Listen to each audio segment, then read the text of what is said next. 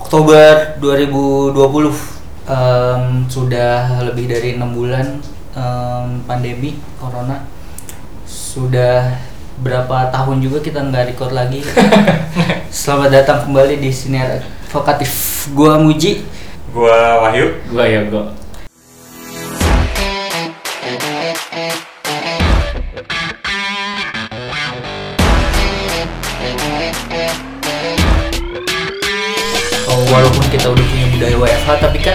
orang rumah belum tahu ya. Iya banyak tuh kalau meeting misalnya ada yang sambil gendong anak nangis gitu sambil nyuapin anak gitu gitu itu banyak sih. Ya kita eh, rekaman lagi nih karena ya? Permintaan konsumennya konsumen, permintaan pendengar. oh, tapi karena kita juga pengen share share gitu ya Kalau ngobrol sih tetap jalan ya, cuman nggak di record. Enggak, kita record by demand. karena ada pasar. Oke udah tadi pembukaannya udah enam bulan lebih ya em, COVID ada di Indonesia khususnya. Kalau di dunia kayak udah lebih dari 9 bulan Iya, kan dari COVID tahun lalu. 19 kan 2019. Tapi case pertama di Indonesia Maret kan ya? Positif. Di Oktober ini udah lebih dari 300 ribu kasus di Indonesia. Eh, turut berduka untuk orang-orang yang kehilangan. Tapi tingkat sembuhnya juga di atas 300 ribu kan udah. Eh, iya yang meninggal tuh kalau nggak salah 12 ribu. Yang sembuh tembus 300 ribu sih. Coba kita cari datanya. Hmm. Iya ya, yang yang sembuh banyak juga. Em, banyak yang berubah ya semenjak eh, kasus aktif pertama Maret di Jakarta sendiri udah dua kali PSBB ya, Dua kali PSBB besar ya. dua kali PSBB besar. em, SPB ketat. PSBB ketat. ketat yang dilakukan selama dua minggu setiap PSBB terus dilanjut sama PSBB transisi gitu Hmm. ya di situ juga kayak semua industri itu berubah nggak sih Hmm. kayak lu em, yang paling kelihatan kan pasti restoran gitu ya Hmm. yang lu awalnya bisa dine in terus sekarang em, jadi harus take away, take away. dan bisa dine in lagi tapi kapasitasnya bahkan 25% sekarang ya? Iya, dibatasin ya kapasitasnya. Itu di di transportasi juga kan lu di kereta di Transjakarta dibatasin kapasitasnya. Yang duduk sih iya ya soalnya gua naik busway itu yang diri ya susah ngebatasin ini gimana oh gitu jadi Iya. jadi pak masuknya tuh nggak dibatasin gitu di maksudnya di, dibatasin nih dikuotain udah penuh udah penuh gitu sama petugasnya tapi pas di dalam ya nggak disuruh jaga jarak nggak gitu Iya, susah juga. iya cuman yang duduk doang dikasih tanda silang gitu kan di bangkunya iya iya iya Kecuali emang ditaruh lu harus duduknya di eh, dirinya di mana gitu kan Ya. di Jakarta ya. Tapi kayaknya nggak semua kayak gitu sih. Dulu di awal-awal juga sempat em, mobil juga dibatasin ya kapasitasnya Mobil dulu sempet dibatasin 50%. sekarang 50%. udah enggak ya? sekarang udah enggak sekarang kayak dibatasin ini ya, yang setiap row itu dua orang tapi tapi kan terakhir tuh kalau lu satu rumah gitu ya nggak apa-apa gitu Oh, iya, apa-apa. tapi kayak sekarang nggak apa-apa sih Sekarang udah nggak apa tuh kan. asal PSBB. asal kalau nggak salah tuh asal pakai masker deh ya ya di mobil tetap pakai masker pakai masker itu transportasi apalagi Pariwisata. Bioskop bos Pariwisata, Bioskop bos. Baru mau buka dan cuma 25% kan ya Jarak antara penonton satu setengah meter Berapa bangku tuh berarti tuh? Enggak, enggak. Iya. Tiga bangku kali. bangku Coba lu kalau yang sekarang sekarang udah ada yang buka tuh tau gue CGV mana Iya. gitu udah buka. Kemarin Mungkin gua lu bisa ngecek tuh di situ kan udah bisa mulai booking Iya. tuh. Nah, yang kosong tuh udah berapa tuh? Di Jakarta Timur tiga kalau salah Itu sih menurut gue ya normal sih. Enggak yang gocak gitu tuh. Ada peraturan kalau misalnya setiap setengah jam orang yang nonton bioskop tuh diharuskan untuk keluar kayak break gitu lo ngerti nggak? Menghirupkan udara, menghirup udara segar gitu. Emang iya? Tapi iya, itu ada wacana peraturan kayak gitu.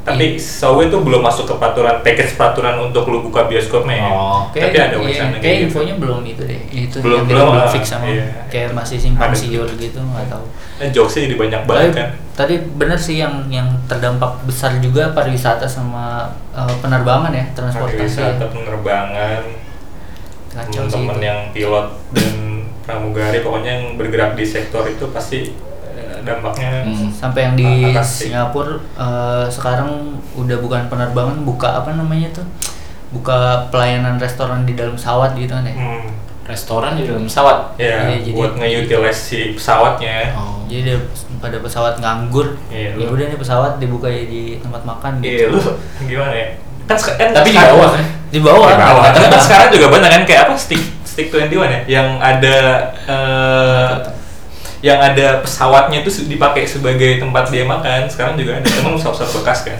kalau ini pesawat yang masih aktif Oh gitu. gitu sih Jadi Intinya emang- jadiin penginapan. ya intinya emang banyak banget banyak Perubahan. sektor yang berubah eh, Iya. selama Iya. itu masa pandemi itu kan di jasa di produk gimana? Iya. Komoditas-komoditas. Komunitas ngaruh nggak? Hmm. komoditas eh, gua ngaruh banget sih yang manufacturing something pasti kayaknya Penjualan baru. banget ya kayaknya yang Penjualan. bergerak di bidang kesehatan itu bakalan mulai rise up sih kayak misalnya mungkin eh, sampai ya sabun hand sanitizer gitu-gitu kan pasti waktu di awal-awal laku banget kan Iya. Itu berarti produksinya biasa aja, demand-nya tinggi, jadi mahal atau sekarang demand-nya turun apa produksinya yang sekarang udah makin tinggi? Eh, kayaknya sekarang demandnya juga udah mulai stabil ya Hmm. pasti udah mulai Nggak ada orang ngeborong, Iya, takut nggak ada habis orang gitu ya? ngeborong, takut habis produksinya juga udah cukup Udah. banyak Cuma harganya udah di atas Di atas eh, sebelum pandemi, Oh. ya. Sebelum pandemi. Tapi udah udah stabil lah ya. Untuk kayak eh, gue ngeliat kayak hal yang pokoknya bergerak di bidang kesehatan bahkan membantu lu untuk sehat kayak sepeda kemarin lu inget tren-tren sepeda setelah kita PSBB Hmm. sebentar tuh Naik sepeda ya? juga naiknya gila-gilaan banget Dan nggak nggak cuma di kesehatan loh. Em, data terakhir dari apa namanya Kemenparekraf tuh data game itu naik drastis Hmm, pas game, pandemi. game, game, Oh game, iya, game. gue lihat ini statistik Among Us ya Hmm. di bulan September tuh 4,8 juta gila yang download. nggak cuman game tuh eh, Dulu Switch harganya Nintendo Switch. sampai yang normal itu biasa. sebelum pandemi ini? Gua- Pelaku lima jual jutaan ya. gua gua dapat capital gap dari Switch gue laku dua kalinya salah Iya, iya kan benar.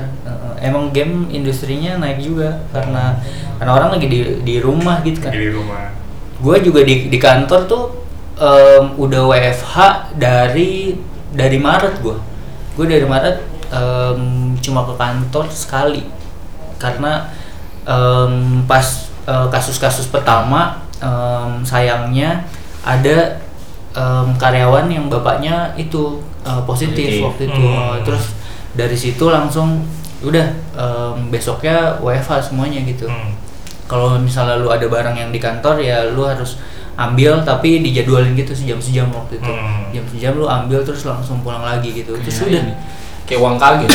iya semenjak itu sejam gue packing packing. semenjak itu gua WFA sampai sekarang belum belum ke kantor lagi nggak mau kantor lagi lu gimana lu Gimana Lid?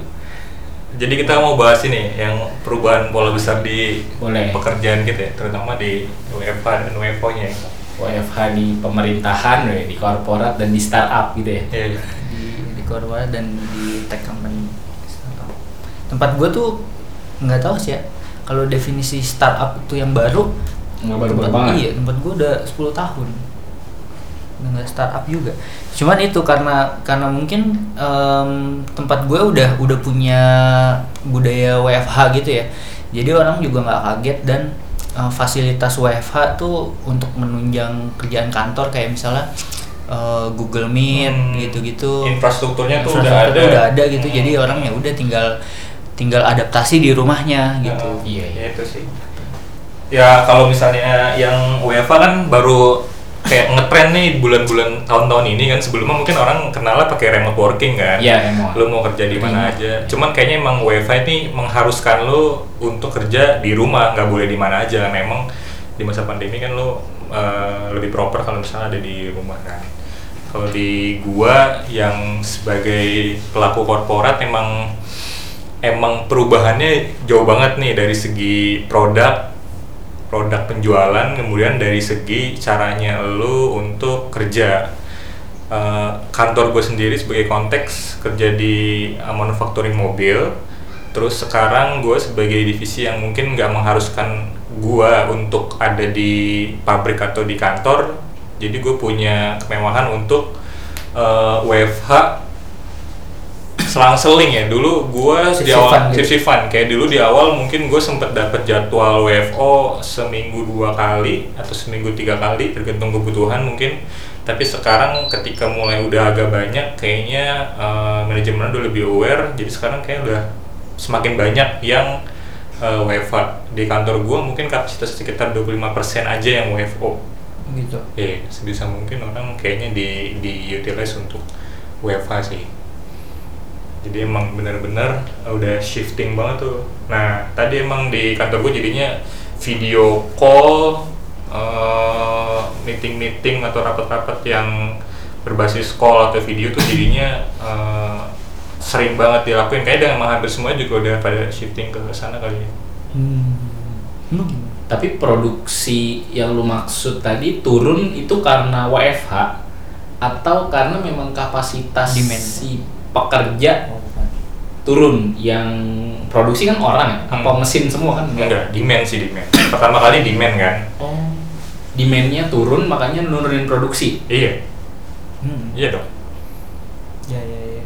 Lu gimana, Bu? Di pemerintahan? gua Pusat ya? Pusat. ya masih sering WFO sih cuman memang dibatesin terakhir tuh 50% cuma memang ada sedikit apa ya perbedaan gitu. Karena dari pihak gedung kebetulan kantor gua salah satu tenan di eh, gedung gitu ya mengharuskan 25% sementara kebijakan dari kantor pengennya 50% nah ini nih yang lagi di kayak didiskusiin gitulah. Karena memang apalagi akhir tahun gitu ya ini eh, target-target dari kantor harus juga tetap terpenuhi. Nah ini yang masih kadang-kadang menurut gua sih kayak kucing-kucingan gitu akhirnya sama pihak gedung, iya. Karena 25% tapi kita masih pengennya atau usahain 50% gitu. Karena ya nggak tahu ya excuse atau bukan menurut gue memang WFH ini di gua pribadi menurunkan bukan produktivitas tapi kecepatan kerja aja sih.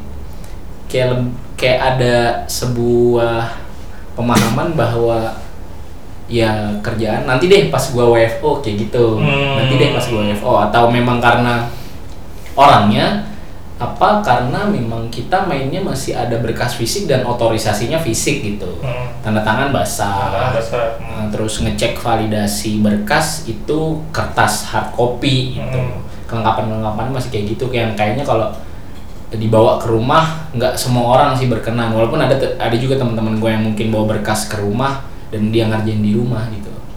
Jadi kayaknya masih lebih produktif WFO secara kecepatan kerja. Oh, dan meeting-meeting juga nggak sesering lu di Oh, korporat iya, gitu iya, iya, gue iya. juga nggak ngerti tuh apa yang membuat kok lu bisa gitu ya di korporat bisa dipaksa untuk standby gitu kan online dari Hmm. jam 8 sampai jam 4 tapi di kantor gue on call sih. Cuman nggak standby harus kelihatan online lu ada di depan layar gitu. Yang penting setiap ada kerjaan yang urgent setiap ada yang dibutuhin lu siap gitu Hmm. aja sih Enggak enggak, maksudnya em- emang enggak setiap saat lu video call enggak. Tapi kan emang eh, setiap perusahaan pasti kan ada nggak tahu ya kalau di gua ada meeting eh, chatnya gitu tuh, ada Iya. aplikasi chatnya. Di gua makanya Microsoft Teams. Beberapa orang mungkin ada yang pakai apa Slack misalnya, Hmm. atau mungkin ya ada yang cuman pakai WhatsApp juga is oke kan. Cuman poinnya kan memang lu in call kan, jadi sekarang kan ketika ditelepon ya berarti ya harus lu angkat selama Iya. jam kerja gitu. Maksudnya gitu sih. Di gua di di gua pakai Slack sih. Nah, misalnya di lu Kelihatan apa namanya? em, ya kalau lu buka laptop ya dia online. kelihatan online kan sama sih di Microsoft Teams juga kayak gitu kan Cuman lu itu online. apa namanya? Tapi kalau di gua mungkin ya itu tadi ya karena emang udah ada budaya WFH gitu. Ya udah jadi kalau pas jam kerja ya ya kerja gitu. kerja hmm. ya berarti ya kayak ya it's okay kalau orang mau nelfon lu uh, suka kapan dia kan ya Iya. selama si jam kerja ya masih bisa ditelepon gitu kan biasanya Terus em, ya banyak emang eh, walaupun kita udah punya budaya WFH tapi kan orang rumah belum tahu ya. Ya Betul. banyak tuh kalau meeting misalnya Hmm. ada yang sambil gendong anak nangis gitu Hmm. sambil nyuapin anak gitu-gitu. Iya, iya. Itu banyak sih. jadi jadi WFA kalau di tempat lu Ji sebagai startup mungkin udah udah normal aja ya remote Iya. working atau WFA tuh ya lu udah punya infrastruktur orang-orang juga mungkin udah pada Udah terbiasa biasa, iya. cuman tinggal mungkin frekuensinya jadi lebih sering aja kan sekarang kan dan nggak nggak ada perubahan Nggak ada. signifikan di itu sih di kecepatan dan produktivitas. Tapi menurut gue ini bisa jadi opportunity gitu loh harusnya karena em, kalau di gua kan karena tadi nggak ada perubahan di Hmm. kecepatan dan produktivitas gitu, Hmm. ya orang bisa aja dibebasin gitu loh mau kerja di kantor atau di rumah gitu. Hmm. Ya mungkin em, sekali dua kali ada kewajiban untuk di kantor gitu, tapi Hmm, hmm. toh kalau misalnya produktivitasnya tetap di kantor Hmm. eh di rumah juga sama tetap gitu sama ya di rumah jadi it's okay gitu kan kira-kira kenapa ya di pemerintahan tuh soalnya adik gua kan juga di pemerintahan tuh Hmm. Ya sekali dua kali juga dia curhat sih kalau misalnya ada ada orang yang misalnya lagi kebagian di rumah gitu terus yang di rumah jadi nggak bisa dikontak gitu Hmm. jadi kayak jadi kayak libur gitu Iya. jadi kayak cuti ya nggak ya gitu. Yang pertama menurut gue sih memang rumah bukan tempat kerja yang ideal sih kalau itu menurut gue yang pertama ya. Tadi karena memang ang- gangguan bukan gangguan ya kayak anak gitu kan nggak Iya, bisa banyak ya distraksi anak. kecil atau tinggal sama orang tua yang eh, belum sepenuhnya paham kita harus full di depan laptop gitu Hmm. itu terus tadi infrastruktur mungkin juga nggak ada ada yang bahkan nggak punya laptop gitu kan karena memang di kantor disediain PC Hmm. terus masih pakai berkas fisik nggak punya printer gitu Hmm. gua iya. sampai eh, akhirnya ada di tempat gue dikeluarin tuh surat lu boleh minjem isi infrastruktur iya dari kantor buat lu bawa pulang untuk menunjang WFH lu itu Hmm. baru-baru ini aja belum belum lama gitu kayak lu bawa printer gitu Ah, segede gini ya iya Hmm. baru baru dibolehin sekarang sekarang ini terus koneksi internet kan juga belum Ya, ya, ya. semuanya menunjang bahkan di di pemerintahan juga baru per September ini ada kabar tentang tunjangan paket data Hmm. atau tunjangan pulsa Hmm. yang itu pun eh, pada pelaksanaannya masih beda-beda sih karena memang di klausulnya disebutkan bahwa selektif sesuai intensitas pelaksanaan tugas. Hmm. tapi nggak setiap orang bisa dikasih sama kan? Hmm. nah ini menambah pekerjaan lagi. Gua tanya teman gua untuk gimana? orang. Heeh, cara nyairinnya gimana? Lu harus ngumpulin bukti surat tugasnya bukti undangan meetingnya sama screenshot meetingnya gitu. Nanti itu baru dihitung kalau sebulan berapa kali lu berhak dapat berapa kayak gitu. Nambah kerjaan. Iya nambah kerjaan lagi buat Gitu. buat nyatetin itu Hmm. buat rekap itu dan yang paling krusial sih menurut gue ya memang karena di pemerintahan lu tidak bisa berinovasi seperti di korporat maupun startup yang memang kerjaan lu adalah punya lu gitu kan Hmm.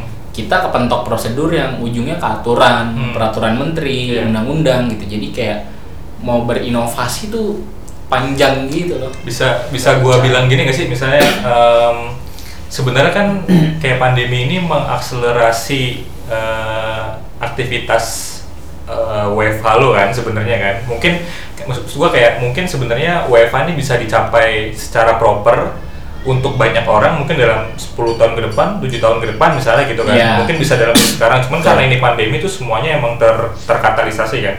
Nah, eh, bisa gue bilang gini nggak? Adapti adaptabilitasnya pemerintah untuk menghadapi ini tuh sebenarnya nggak sebagus itu gitu misalnya.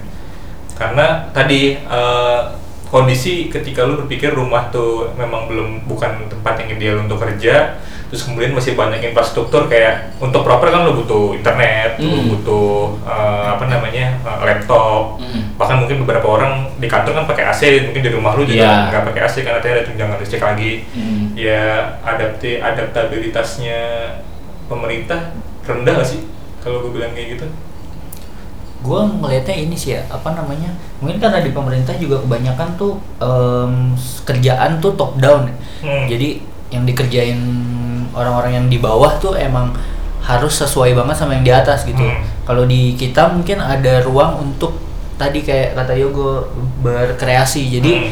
eh, adaptasinya itu eh, bisa dilempar ke masing-masing orang gitu loh Hmm. gitu nggak ya Iya dan tadi kayak misalnya tadi WFH kantor atau tempat lo kerja menunjang tunjangan listrik Hmm. atau tunjangan pulsa di Hmm. tempat lu dengan mudah kan kayak di bulan pertama WFH tuh bisa langsung oh ya udah per pegawai atau per karyawan dapat berapa ratus ribu per bulan gitu. Hmm. Nah di gua aja tadi kan harus bikin peraturannya dulu nih harus Dari atas. Nah September. itu maksud gue yang adaptabilitas itu sebenarnya yang eh, rendah kan maksud gue ya ini kan kondisi luar biasa kan. bukan Lu- rendah sih tapi prosedural aja birokrasi Birokrasinya Bos. iya sih, yang dia memang harus ya tadi bener top down dari atas harus diatur dulu nih sampai bawah gitu dan untuk untuk atas itu bikin kan harus ada info juga dari dari bawah gitu. Jadi da- dari bawah ngasih info. Nggak nggak nggak bisa langsung berkreasi adaptasi gitu loh. Jadi yang bawah ngasih info ngasih info terus sampai atas oh jadi harusnya kayak gini. Terus baru bikin peraturan ke bawah. Enggak, ya, yang beda kan apa? Maksud gua sama aja di di scoopnya enggak birokrasinya. Lu Iya. harus bikin eh, bikin nota dinas. Nota dinas sehari terus tanda tangan kalau karena pandemi jadi harus diantar gojek ke sana gitu misalnya. gua nggak tahu sih Gitu-gitu. ke dasar tata negaranya gimana Hmm. dalam proses pembentukan misalnya paling kecilnya peraturan pemer- peraturan pemerintah atau peraturan menteri gitu kan Hmm. kalau misalnya yang lagi rame omnibus law kan UU jelas tuh ya Hmm. ada kajian akademisnya Hmm. ada survei ke masyarakat ke ahli maksudnya untuk membentuk itu produk juga. hukum proses lu panjang kalau di tempat lu mungkin saat BOD-nya udah rapat dan udah menentukan oh ya udah ada tunjangan ini buat segini udah ketok palu gitu. Tapi di gua dasarnya apa nih? Nah membuat dasar itu menurut gua butuh waktu dan proses yang panjang sih nggak bisa ujuk-ujuk. Menteri bilang gini langsung iya tapi harus bikin peraturan menteri dulu gitu. Dan bisa jadi yang hubungannya sama duit di menteri keuangan nih menteri keuangan bikin peraturan yang itu skupnya nasional Oke. seluruh kementerian lembaga. Hmm. berarti kan ya harus lu berpikirnya lebih holistik lagi kan semuanya harus terakomodasi dalam peraturan itu gitu Hmm. Dan emang itu the, the proper way aja emang kayak gitu maksudnya. emang emang caranya kayak gitu birokrasi iya Enggak maksud gua, maksud gua eh, dengan cara kayak gitu kan lu ngerasa ada orang-orang yang akhirnya menganggap UEFA tuh libur kan. Seolah-olah Iya. jadi libur gitu kan. Hmm. Padahal sebenarnya kan maksud gua gua nggak pengen ada sentimen negatif aja jadi Iya, kemudian iya. kan sekarang udah ribet aja kan. Terus kemudian kalau kalau lu bilang ada UEFA tuh jadi libur kan kita jadi mempertanyakan produktivitasnya. di tempat lu ada yang berpendapat kayak gitu ada yang beranggapan kayak gitu menurut gua satu dua orang nggak ada dah masa nggak ada sih Enggak, nggak ada. ya gua udah enam bulan WFH tadi yang Dia udah lebih lama, gua udah misalnya yang WFH. statusnya punya anak kecil gitu nggak peduli. Ya kalau meeting anaknya nangis nangis sambil Ya. disuapin gitu. It's okay. sambil dia ngomong nyampein apa namanya Iya, itunya iya, dia iya. gitu kerjanya dia. Berarti itu sih. di memang dipaksa gitu ya maksudnya itu bukan excuse gitu kan. Artinya ya lu mau ambil gendong anak mandiin anak juga nggak masalah gitu ya. Kalau di tempat gue nggak tahu sih kalau itu balik lagi ke personal ya tapi selama ini sih memang tapi kalau kalau misalnya lu bilang balik lagi ke personal tapi kenyataannya ada banyak orang Iya. yang berpeng- berpendapat ya Kayak emang gitu. ini sebenarnya libur gitu. berarti kan em, agak apa ya agak sistemik gitu ya Nah, maksud gua maksud gini. Oh, Tadi kalau iya, lu iya, libur iya. kan kayak lu libur karena misalnya kenapa jadi fokus ke pemerintahan Iya, gua gua bahas aja nih. Iya, duit gua ada di lu ya. Enggak, gua pada sana kan gini kan. gue bayar pajak Karena maksud gua kan lu lu kan eh, WFH tadi kan orang beranggapan libur karena nggak ada yang bisa dikerjain secara khusus kan atau mungkin produktif saja direndah karena pekerjaannya nggak bisa dikerjain di rumah. oke Maksud gua tadi apa emang nggak bisa di di utilize tuh suara-suara orang itu maksudnya tangan basah emang nggak bisa diganti tangan-tangan yang eh, digital gitu. Nah tadi kan lu beranggapannya aturan kan, jadi Hmm. anggapan lu lebih karena aturannya susah nih dibuat kayak gitu. Iya. Nah mungkin maksud gua feedback gua adalah ya berarti memang eh, ya berarti emang pemerintah nggak adaptif aja terhadap eh, terhadap kebutuhan itu, ngerti nggak? iya iya iya iya. Birokrasinya emang lama, tapi kita udah jalan 6 bulan nih bos. tapi lu ini kan apa namanya ka- kapasitas 50% Ah. itu berarti shift-shiftannya berapa lama tuh seminggu seminggu ya enggak hari-hari jadi seminggu dua kali atau tiga kali misalnya gitu digilir itu mungkin jadi salah satu di Cara- tempat dia ya Hmm. khusus ya cara menunda Bu- i- maksudnya Cara ah, sa- meningkatkan. salah satu salah satu alasan mungkin ada orang yang bisa agak skip gitu kalau misalnya kayak di gua atau di lu misalnya seminggu WF WFH Hmm. kan nggak mungkin kayak seminggu lu nggak nggak memproduksi apa-apa gitu nggak sih? Iya, nah sih. karena karena di dia itu juga selang-selingnya hari jadi ya Hmm. bisa bisa di skip gitu kerjaan bisa ditumpuk di satu hari gitu tapi kalau seminggu Hmm, bisa iya. juga nggak kayak gitu gua akan mengerjakan pekerjaan dua minggu dalam satu minggu mungkin ada time frame yang lu nggak bisa skip kan Iya di sih. minggu depannya kan nggak nggak juga sih Ji maksud gue yang 32 orang yang shift 32 yang shift 23 juga tetap aja apa namanya tetap berpikiran ya WFA ya WFA Ya, gitu kalau menurut lu dengan load lu sekarang, load kerjaan lu sekarang, kalau misalnya misalnya waktunya 32 gitu. Lu bisa nggak ngerjain seminggu kerjaan di dua hari? Di working Kalau hour? pekerjaan gue sih enggak, karena Enggak. memang deadline-nya harian. Eh, yang yang gua menarik adalah ininya ada di mindset orang yang berpikir bahwa hari di hari WFA tuh libur dan gua nggak mau diganggu itu yang eh, gua kritisi aja sih maksud gua kalau misalnya emang pekerjaan lu bisa selesai dan oke kemudian dua hari selanjutnya lu bisa lebih eh, santai gitu ya itu Iya. strategi lu kan untuk menyelesaikan Iya. pekerjaan lu cuman ketika orang butuh nih gua butuh advice lu, gua butuh bantuan lu misalnya terkait pekerjaan dan ini waktunya lu WFH jadi lu nggak bisa diganggu ya gimana gimana sih menurut gua ya Kemarin yang lu share itu apa pengawasan pengawasan atasan atas pekerjaan harian gitu sih? Pengawasan. Iya, iya, iya. Kalau di tempat lu nih misalnya bisa eh, katakanlah di pemerintahan ada oknum Hmm. yang eh, merasa bahwa WFH libur dan tidak bisa diganggu. oknum asik Oknum. Kalau di tempat lu nggak nggak ada orang yang kayak gitu karena memang orang yang nggak seperti itu atau nggak bisa kayak gitu.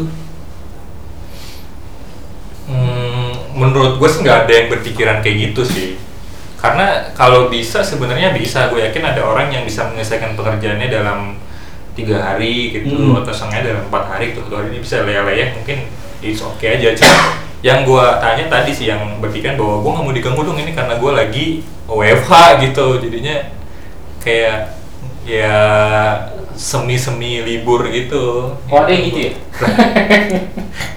Kalau lu yang cerita gimana. Kalau gua tuh karena gua di tim data gitu ya dan di tim data tempat gua tuh setiap hari itu ada meeting update gitu 15 menit. Hmm, hmm. Itu yang ngebuat orang-orang tuh nggak bisa nggak bisa meliburkan diri gitu karena lu harus update progress gitu. itu gue nggak tahu ya eh, apakah di karena gue di supporting kan bukan di core bisnisnya. Akhirnya bisa seperti itu. Tadi misalnya numpuk kerjaan atau bikin strategi sendiri Hmm. dan nggak ada tuh yang kayak muji benar-benar pemantauan harian langsung lu ditanya. Itu gimana? itu menurut gua nggak ngaruh lu supporting atau bukan sih. Ya maksudnya eh, mantau kerjaan lo apa itu sebenarnya lebih ke task manajemen aja sih ya. Manajemen kerjaan aja sih sebenarnya. Ya mungkin di pekerja di tempat lu ya memang nggak mengharuskan ada itu aja dan itu bisa tetap jalan gitu Di gua gua kan eh, di gua ada meeting pagi nih misalnya. Di gua ada meeting pagi. Jadi orang-orang misalnya pagi itu sekitar 15 menit aja untuk sharing eh, hari apa ini yang ada akan dia kerjain? Kikinya aja misalnya ada urgent apa sih misalnya hari ini gitu. Eh, nanti di sana di sore biasanya kalau gua tergantung departemen ya. Ada departemen yang mengharuskan dia untuk meeting lagi di sore sharing progress ada juga yang mungkin cuma di level section gitu atau level yang lebih kecil jadi intinya sih sebenarnya ada di tempat gua ada Briefing tiap hari. briefing gitulah eh, dan lu terus lu nyiap aja. berarti setiap pagi tuh lu udah nyiapin sebelum kerja atau kemarin ya lu nyiapin besok gua ngapain Ya berarti sebelumnya dong hari sebelumnya gue udah tahu misalnya besok kira-kira gue akan ngerjain apa aja kira-kira ada. Jadi kalau gue bisa emang sore tadi kan diatur tuh sore kira-kira kita udah kenapa ya? Besoknya ada apa nih di kalender misalnya? Oh, oke. ada sesuatu yang ujian apa nih? Ada report-report apa sih misalnya di besok? Nah itu udah diomongin di situ. Karena biasanya kan tadi gue bilang di ujung di sore hari levelnya lebih kecil. Level, section gitu misalnya.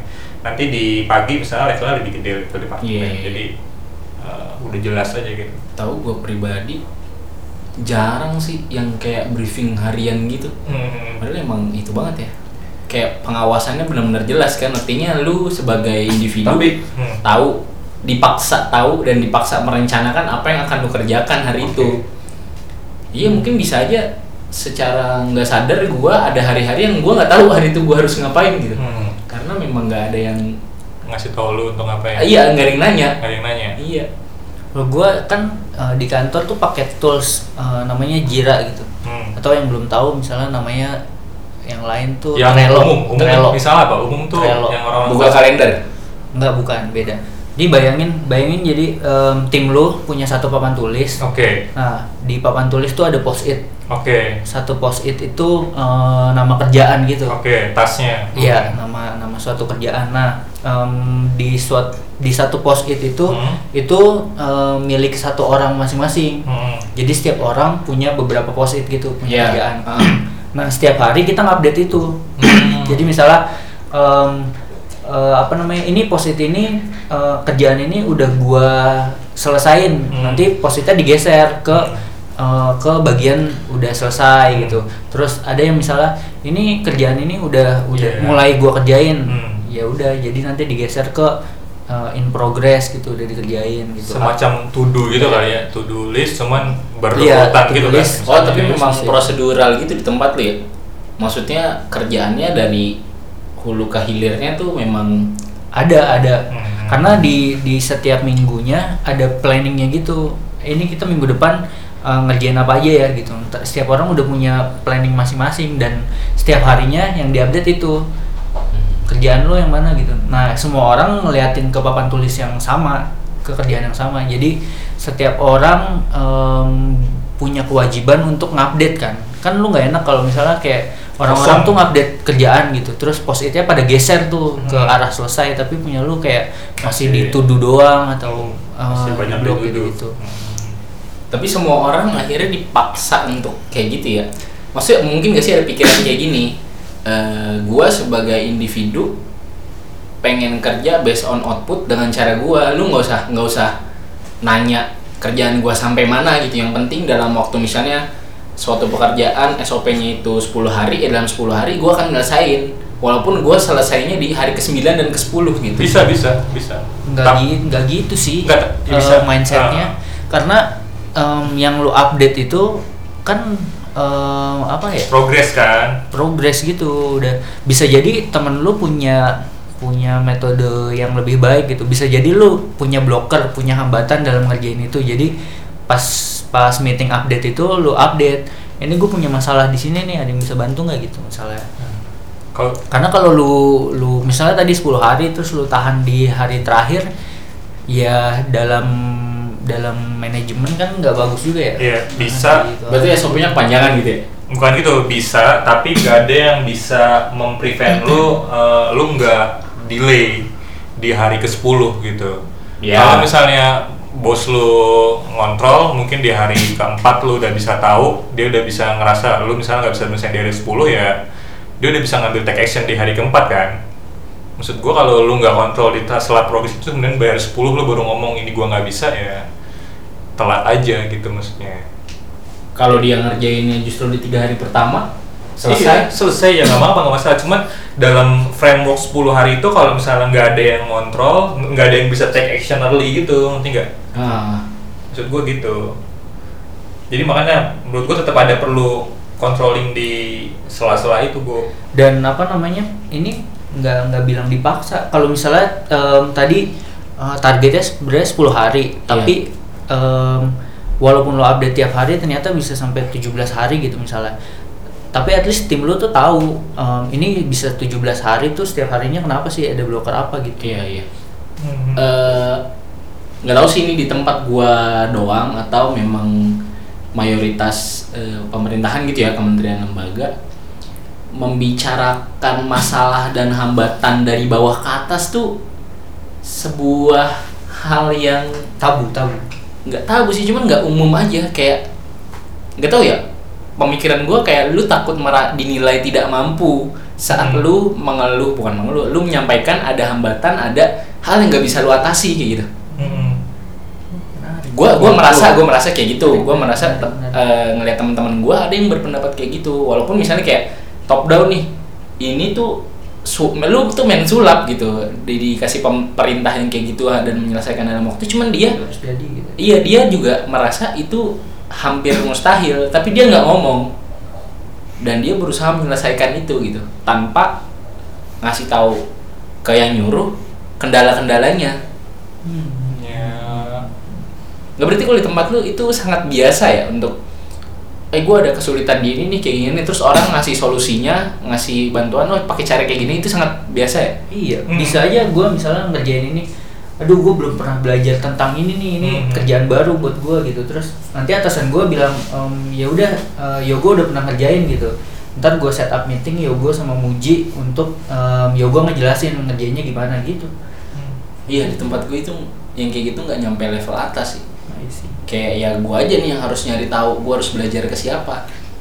Di gua ada mungkin banyak juga sih metodenya lain nih tempat di gua namanya ada BNF Bad News First gitu. Mungkin tempat Oh. lain ada kayak bad news first tempat lain ada kayak mungkin stop call wait kan. Misalnya kalau di pabrik tuh ada stop call wait, stop In- call wait stop call wait. Jadi poinnya kalau misalnya lu nemuin hambatan, kesulitan, masalah harus disampaikan langsung harus sampein langsung. Iya, at the moment you supaya kita lu bisa langsung mengalami- uh, nge-solve itu Iya, at the moment Nice. lu mengalami itu. Kalau bahkan kalau lu nggak tahu nih, misalnya lu mau ngapain aja ya. Nih gua nggak tahu mau ngapain nih terhadap masalah ini, ya itu lu harus lakuin itu, stop follow it ataupun eh, BNF. Jadi memang kayaknya sih kultur ya gua. Iya. benar-benar gue itu tertarik sih jadi Enggak, lu kan pernah di pemerintahan juga Ji. Oh, Lu ngerasa kayak gitu gak sih? Atau memang Kayak ada sebuah barrier yang tinggi itu saat lu pengen ya sekadar menunjukkan kebodohan lu gitu. tapi lu pernah nggak kayak "Si- si- gua nggak bisa nih melakukan ini gitu. Pernah, tapi nggak dalam meeting besar gitu. Personal, entah ke senior atau langsung ke atasan gua. Nggak nggak di tadi nggak di meeting ada ada kendala apa ada masalah apa terus gua ngomong gua nggak bisa gitu. Meeting besar tuh level lu semana sih? Se apa misalnya? Se- meeting departemen deh, lu sempet sharing itu nggak? Enggak, karena nyelesainnya di sama atasan langsung. Tapi kalau departemen umum nggak melakukan itu? tim lo paling kecil berapa Enggak. orang sih Nggak umum juga tetap melakukan itu. Di 4 sampai 5 orang. tuh kecil loh kecil banget Lima departemen ya bahkan di departemen aja menurut gue udah lima orang kan menurut gue di gue meeting besar tuh yang satu divisi gitu misalnya ya Iya, se- sharing itu ya, ya agak 20 30 orang kan. hmm. Iya. tapi lu nggak itu ya em, kayak meeting berlima gitu sering nggak sih coba Ya, itu departemen meeting itu nggak nggak berjalan emang emang koordinasinya tuh one on one sama Iya, kayaknya manager nggak gitu tahu ya. sih gaya itu gaya atasan apa gimana ya. nggak ada yang cross eh, task gitu nggak ada Nggak. pekerjaan yang soalnya di di tempat gua dulu di pemerintahan yang sebelumnya itu koordinasinya ya eh, setim jadi Hmm. kalau ada kalau ada eh menurut gua juga gua dapat privilege eh, dapat manajer yang bagus sih dulu di pemerintahan Hmm, hmm.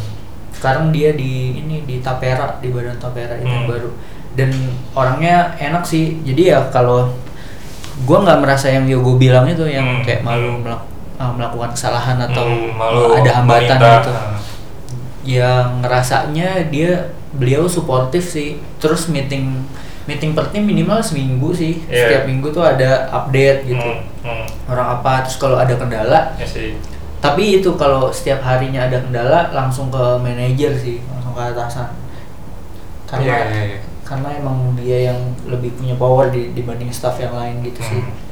Eh, gitu sih tapi menurut gua mindset kayak gitu kayaknya ada sih di pemerintahan karena ya kayak Apa ABS gitu ya gitu? sih ABS Ya, betul. asal bapak senang kan jadi mau bodo amat gue maunya ini gitu lu eh, harus bantuin em, supaya kerjaan kita eh, berhasil gitu serah apa caranya kayak gimana gitu Iya nggak sih ya itu tadi menambah sentimen negatif terhadap ASN jadi jadinya menurut Tapi di lu kok nggak coba kita explore. Di lu ada nggak yang WFH terus men- eh, menjadikan lu lebih apa ya? Bagus dari sisi apa pun, misalnya produktivitas kah, dari sisi apa kek apa pun gitu misalnya. Ya udah. Eh, gua sih ngerasa bisa nyambi itu sih tadi jadi kayak misalnya gua meeting ada meeting tapi gue bisa sambil ngerjain sesuatu Oke. yang tadinya meeting itu memang harus gua hadirin fisik gitu kan Hmm, hmm. ya mungkin bisa itu sih bisa multitaskingnya lebih tinggi aja dengan WFH ini Di tempat lu gitu. Heeh. Iya. Tapi gue itu sih secara personal mengapresiasi Yogo sih dia sampai apa namanya eh, memfasilitasi diri untuk punya tempat eh, kerja sendiri gitu. Keren keren keren keren. Ya kan? Oh, sendiri keren keren keren. Karena karena kalau di kata eh, orang HR di kantor gue sih emang kalau bisa lu punya space, Space sendiri kan gitu Hmm, untuk hmm, kerja gitu. Walaupun sebagai orang ekstro itu agak kayak gitu capek banget sendiri Coba coba. Nah, Kalau sempat lu tuh eh bagusnya atau jeleknya dari WFH ini Kok jadi gue ini ya? Enggak, enggak, gue ini secara umum, secara umum Ini di sisi, enggak, biar lebih general bahasannya Iya. eh, Menurut lu bagusnya WFH atau WFO di tempat lu dari selalu dari segi pekerjaan Apa pun ya, mungkin dari segi perjalanan gitu Lu bisa sharing gak tuh? Dari siapa dulu nih? Kalau di gua em, jelas gua mendukung nggak mendukung full WFH. Mm-mm. Gua mendukung WFH parsial gitu. Ah. Jadi kalau misalnya nanti pandemi selesai, Hmm. gua tetap eh, kalau bisa ya pengen em, orang tuh punya Hmm. pilihan untuk WFH. Ya. Hmm. Misalnya em, sebulan berapa hari Hmm. gitu atau seminggu berapa hari sehingga Hmm. em, orang punya ini juga punya waktu untuk punya waktu di rumah lebih dekat sama keluarga Hmm. tapi tetap eh, kerja gitu Hmm. atau nggak diganggu kerjanya di rumah gitu Hmm. dan tetap eh, bisa koordinasi sama orang karena kerjanya di kantor Hmm. bisa bisa punya personal touch juga sama orang kantor gitu Hmm. gitu sih Di tempat lu berarti eh, lebih menyenangkan WFH dong ya? Iya, tadi kata gua, jadi kalau WFH terus Terus-terusan ya. stres juga ya. Iya. orangnya. Gitu. Kalau tempat gua ada wacana itu sih namanya flexible working space. Jadi ya lu bisa kerja di mana aja, Hmm. di rumah, di kantor lu ataupun di kantor orang. Gitu. Nggak Kantor mesti, orang, oke. eh, nggak mesti di kantor lu sendiri. Ada wacana ke sana sebenarnya di kantor terdekat. Misalnya lu di sini yang dekat di dekat rumah lu ada kantor Kementerian X ada di situ ya udah lu bisa ke situ gitu. Arahnya Hmm. ada ada gitu kayaknya cuman gua nggak tahu kapan. Ada working from home-nya juga tapi? Ada. Nggak dibilang libur tapi? Mm-mm. Kalau di kantor orang atau di tempat lain kan ya dia fokus mau kerja kan Iya, emang kan. betul. Kalau di rumah kan tadi ada hambatan ini itu. Oke, terus terus Ya tadi sih menurut gue multitaskingnya lebih lebih tinggi aja sih kalau WFH ini. jeleknya WFH apa Bu? menurut lo? Dengan multitasking yang tinggi menurut gue daya serap lu menurun. Hmm. Kayak misalnya lu ada sosialisasi nih, yang biasanya sosialisasi itu lu diundang ke tempat Oh, pemberi sosialisasi untuk Mhm. nyimak 100%, tapi kalau di kantor lu nyambi. Hmm. Ya jadi daya serap gua atas sosialisasi Jadi lu full. meeting sambil kerja. Iya, Jadi yang betul. meeting yang nggak full kerjanya juga setengah-setengah. Iya, gitu. betul. Gua- I see. Hmm. I see, I see, I see. Ngeliatnya sih di situ ada. Itu kayak mahasiswa biasa ya kalau lagi kuliah. iya iya. Iya. Itulah. Lu gimana ya? Gua good side-nya WFH ya dari personal dari yang gua alami tuh yang pertama waktu tempuh ke kantor. Oh iya betul. Nggak tua di jalan ya? Nggak tua di Iya. jalan. Karena gua ke kantor ya 45 menit lah ya, 5 menit sampai 1 jam lah ya kalau mau nyantai. Itu udah terpotong langsung tuh. Jadi memang pagi hari tuh lu bisa sebenarnya bisa efektif melakukan banyak hal entah misalnya olahraga lu siapin makanan Dan dikali dan dua sama sore ya? dan dikali dua Iya. sama sore jadi beban stres lu karena perjalanan tuh udah ya otomatis menghilang Iya. kan good side-nya satu itu yang kedua menurut gue ini nggak tahu good side buat siapa tapi gue ngerasa em, waktu tuh lebih efektif aja seba- sebagai pekerjaan ya misalnya dari segi eh, meeting kalau misalnya di awal mungkin lu meeting kan sekarang tinggal call aja kan orangnya kan jadi eh, switch antara meeting A ke meeting B itu udah lebih cepet aja dan emang datanya kan menunjukkan Hmm. meeting panggilan meeting atau panggilan call tuh jauh lebih banyak Iya. nah gue ngerasa secara produktivitas mestinya angka angkanya lebih tinggi tuh karena lu nggak nggak nggak ada pindah-pindah gitu Iya. kan terus apalagi ya mestinya juga kalau misalnya di kantor lu mengurangi waktu lu untuk eh, pergi kan misalnya lu sekarang kalau lu mau ke toilet mungkin waktunya sekitar 10 menit lu pergi ke toilet balik lagi gitu misalnya. Ya kalau di rumah kan jarak dari tempat lu ke toilet kan nggak sejauh Iya. itu gitu kan. Ya hal gitu mungkin lebih berkurang sih terus ya tadi sih apa namanya di rumah mungkin lu bisa lebih multitasking bisa lebih fleksibel dibanding di kantor Meeting sambil ngepel. meeting sambil ngepel sambil ngupas bawang Iya gitu banget sih, itu banget sih ada banyak yang kayak gitu kan bahkan gue lihat yang viral tuh di YouTube dia sambil ini sambil BAB bos kabarnya nggak dibatiin Oh, gue tahu. Iya, iya. Oh, Apa tahu. iya? Iya. Gua- gua- gua- makanya defaultnya auto mute videonya off ya Oh, jadi masalahnya naruh HP di ujung kamar mandi, Iya. terus dia jongkok di ujungnya. Lagi nggak dimatiin sih Vidi. Iya iya iya. itu itu good side bad side-nya menurut gue yang kelihatan banget eh, stres sih di ya tadi di rumah mungkin eh, Ini stresnya emang karena pandeminya kali ya. Iya. Gue kalau lu Betul, kalau betul. normal lu WFA lu bisa keluar ya mungkin nggak stres-stres amat kan. iya heeh. Eh, tapi gini maksud gue gini. Pertama bad side-nya stresnya karena em, video call tuh capek banget loh. Lu nggak nggak interaksi sama orang invest tuh Iya. ternyata ya secapek itu kan. Pindah satu pindah lain maksudnya kalau behaviornya orang di kantor lu bisa nyamperin datang eh, ngobrol sambil ngeliat muka. Sekarang orang harus siap in call bahkan dipanggil ketika lagi in call tuh beberapa kan ada yang kayak gitu di tempat Oh gue iya, ya bisa aja dia itu, motong kan kalau gitu. capek banget sih menurut gue terus Tapi kalau koneksinya lancar capek juga yuk. Yang bikin capek menurut gua kadang-kadang itu sih ada koneksinya jelek terus putus-putus suaranya kan. Tapi kalau lancar pun capek kali maksudnya jadi ya intinya kan lu siap ditelepon aja gitu kan nggak ada waktu kayak misalnya ada waktu lu jalan ke tempat orangnya itu kan eh, space refresh gitu space aja. ya kan space Iya, antara iya. lu nggak harus ngomong sama orang gitu kan Hmm. bahkan beberapa di tempat gue sekarang nih em, kita tuh pura-pura call Bahkan pura-pura presenting. supaya nggak diganggu orang. supaya nggak diganggu orang gitu ketika lu lagi kepengen fokus ngerjain apa gitu Hmm. itu Gua- gua dari sebelum pandemi kayak gitu. oh berarti gue telat ya Iya. Kalau di kantor lu pakai headset gitu Iya, ya. jadi grup ngakunya meeting kan berarti ya. Nah yang kedua nih yang gua rasa ini beberapa temen gua tuh yang kerja di perusahaan lain udah menerapkan ada surveillance system gitu, sistem pengawasan gitu.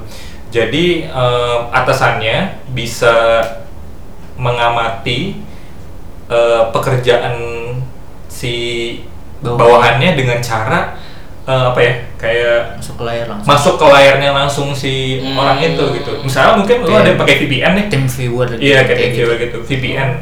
Nah, terus Lu lagi ngapain gitu? Lu lagi ngapain di situ? Nah, Tapi itu laptop kantor kan? itu laptop kantor. Cuman privacy ya. Oh, iya. eh, apa ya? Menurut gua sih itu jadinya agak bad side ya karena yang pertama eh, lu juga punya privacy Iya. dan yang kedua kan lu nggak kepengen terus-terusan diawasin seolah-olah ada CCTV di depan lu Iya, selama Iya, benar. selama 8 jam lu kerja kan. Enggak tapi lu ada pemikiran gini sih. Gua kayak punya mindset bahwa kontrak gua akan kerja tuh berdasarkan waktu, bukan berdasarkan output. Jadi gua merasa gini, saat gua misalnya gua malas nih, gua nyari cara tercepat untuk ngerjain hal itu kan, itu Iya, selesai. Tapi selesai. tetap merasa malas karena gua ngerjain itu dengan shortcut gitu. Dan Nah. akhirnya banyak waktu yang lebih kosong gitu kan. Oh jadi lu kepengennya tuh kerjaan lu di Enggak, gue punya pikir, kadang-kadang gue punya pikiran kayak gitu aja. Oh, Walaupun secara output udah nih gue, tapi karena gue ngerjainnya cepet, gue ngerasa kayak kok gue males ya nggak ngerjain. Kalau- kalau eh, kalau gue personal ngerasa memang mestinya lu eh, berpikirnya kerja berdasarkan waktu sih sebenarnya ya. Karena kalau lu berdasarkan output, terus output lu sebenarnya nggak bisa dikerjain dalam waktu 8 jam lu kerja gitu misalnya kan. Akhirnya kan lu harus Lembur. nambah atau lembur kan. Hmm. Nah sementara kan ada orang-orang yang nggak mengakomodasi lembur lu ini kan sebenarnya Iya. kan. Jadi bisa orang ng- ikut ikut ngukurnya, pokoknya lu kerjain ini dalam hari, hari ini ya harus kelar gitu. Padahal sebenarnya nggak bisa dalam 8 jam gitu. Nah menurut gua tuh mestinya dia ngukur dulu dalam 8 jam kerja, lu bisa nggak mengeluarkan output ini. Jadi mestinya emang tetap di framework 8 jam kerja sih. Karena kalau enggak, ini ada banyak juga masalah orang yang stres nggak cuman karena eh, kerja apa namanya eh, video call, tapi juga karena kerjaannya jadi nggak kenal waktu. Ada kan Ya. banyak yang kayak gitu kan. Hmm. Kok gue WFA jadi kerjanya makin banyak dan orang nge-call gue di waktu-waktu yang sebenarnya nggak jam kerja. Iya, iya. Nah itu karena dia dikejar sama output yang harus di output yang harus dia punya gitu. Nah, itu menurut gue tetap harus di 8 jam kerja sih. Dan untungnya kantor gue tuh nggak Berarti- mengalami downside itu ya. Dia Nah, berarti kalau misalnya si output ini bisa dicapai dalam Hmm. waktu kurang dari 8 jam, harusnya ditambah berarti ya? harusnya ditambah. Berarti ya pekerjaannya nggak sesulit-sulit sesulit itu gitu. Kalau misalnya karena misalnya- orangnya? Oke, mungkin misalnya gini, lo uh, orangnya nih uh, tiga jam kerja nih ya, eh 8 jam kerja nih lu ngerjain ini ternyata orang ini punya cara tertentu efektif untuk bisa ngerjain dalam 5 jam kerja Iya. nah mestinya dia bisa sharing ini nih ke Oh, orang lain iya, iya, gitu iya. Lu yang akhirnya namanya kerjaan Iya, yang akhirnya usah gua sharing gitu maksud gua kan emang kerjaan gitu kan Iya. kayak zaman dulu orang nggak nggak punya HP eh, kerjaannya jadi lama lama-lama sekarang kan jadi lebih pendek kan time Iya bisa jadi juga jam terbang membuat lo lebih cepat kan ngerjainnya. iya nggak apa makanya Temen gue sharing ada kan tuh yang bikin kayak robot gitu di PC-nya. Jadi dia tuh ngerekam. Nah itu dia nggak tahu kayak bikin video, jadi di play udah dia mouse jalan sendiri. itu itu kan pakai Excel kan lu pakai Excel nggak sih tuh enggak? Pakai pakai Excel. Cuma- Excel tuh ada kayak gitu Jadi jadi kayak shortcut gitu. gitu I see, I see. Berarti harus di di share cara-cara cepat dan ditambah gitu ya Iya. kerjaannya. menurut gua dosen gitu sih gimana menurut lu yang surveillance system tuh menurut lu gimana Iya gua nggak setuju sih. Iya sama nggak setuju sih. Se apa namanya se strict strictnya kerjaan tuh harusnya setiap orang juga punya Punya ruang. punya ruang gitu ruang. untuk berkreasi. Takutnya kan eh, mungkin aja em, si bawahan ini mungkin punya cara lain yang lebih efektif tapi eh, atasannya misalnya belum pernah tahu gitu Hmm. sehingga nanti malah jadi dibatasi dengan bawahannya gitu. hmm. Iya, ya nggak nggak setiap saat di surveillance gitu. ya enggak sih cuman ketika diintip wah ternyata lu lagi uh, YouTube. Mantap. Tapi sih. yang surveillance itu itu sih dari sebelum pandemi banyak kantor juga kayak eh, tapi nggak nggak itu nggak dipantau terus terusan cuman eh, layarnya dia di record gitu selama itu gitu. Serem juga. dan akhirnya nggak nggak masalah ya? Em, bukan nggak masalah. Coba lu kalau jadi atasan misalnya punya empat bawahan aja emang lu itu bisa bisa monitoring eh, Iya. empat orang gitu kerjain? Enggak kan pasti nganalisis kerjaan bawahannya enggak dengan ngeliatin terus gitu kayak sama em, dulu di pemerintahan gua tuh melakukan eh, apa namanya daily record hmm. apa yang gua kerjain setiap hari gitu Hmm. itu nggak nggak efektif Hmm, karena nggak dibaca juga. iya siapa siapa yang bakal itu Iya.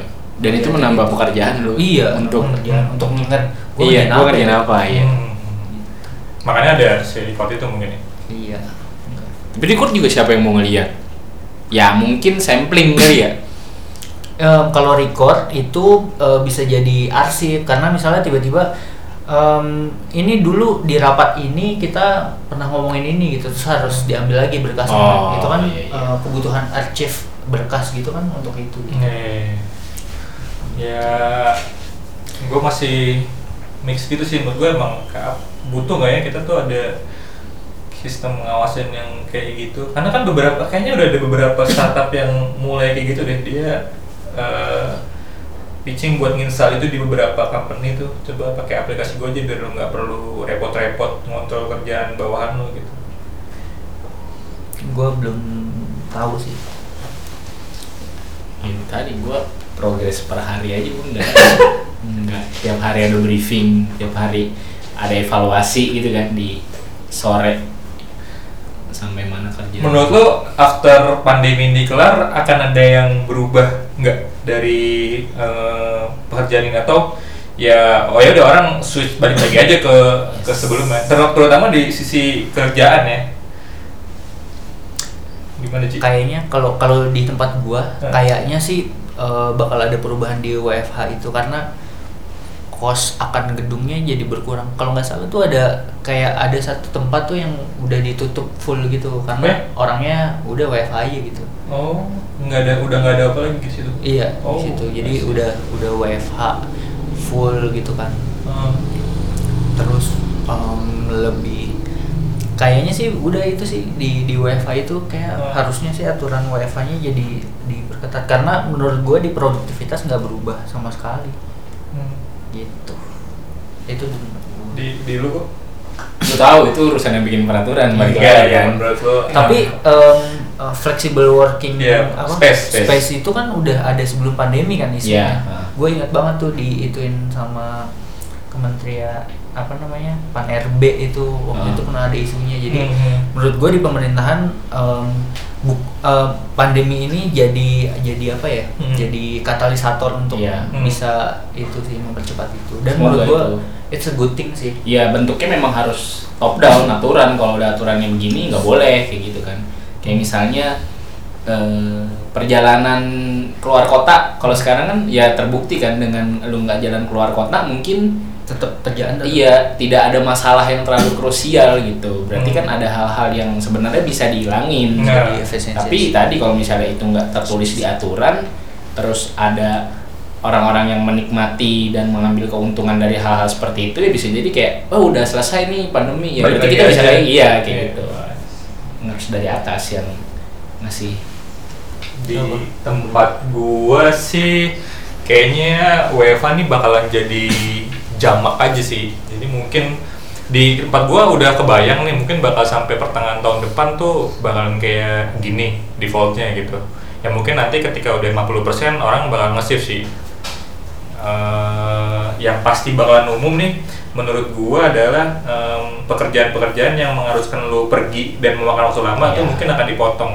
Kayak sekarang pekerjaan gua ke supplier gitu udah diganti semua by video call kan dan ternyata itu bisa cuma pengecekan pekerjaan-pekerjaan yang butuh pengecekan aja tuh yang harus datang ke sana gitu langsung ngeliat barang. langsung lihat barang jadi pasti Itu mau pasti. jadi yang gua kebayang adalah pekerjaan yang kayak gitu tuh bakalan hilang. Kemudian eh, UEFA bakalan jamak dan mungkin setelah pandemi kelar mungkin misalnya ya itu bakalan jadi opsi aja bisa jadi opsi lu untuk ngambil itu Iya. gitu.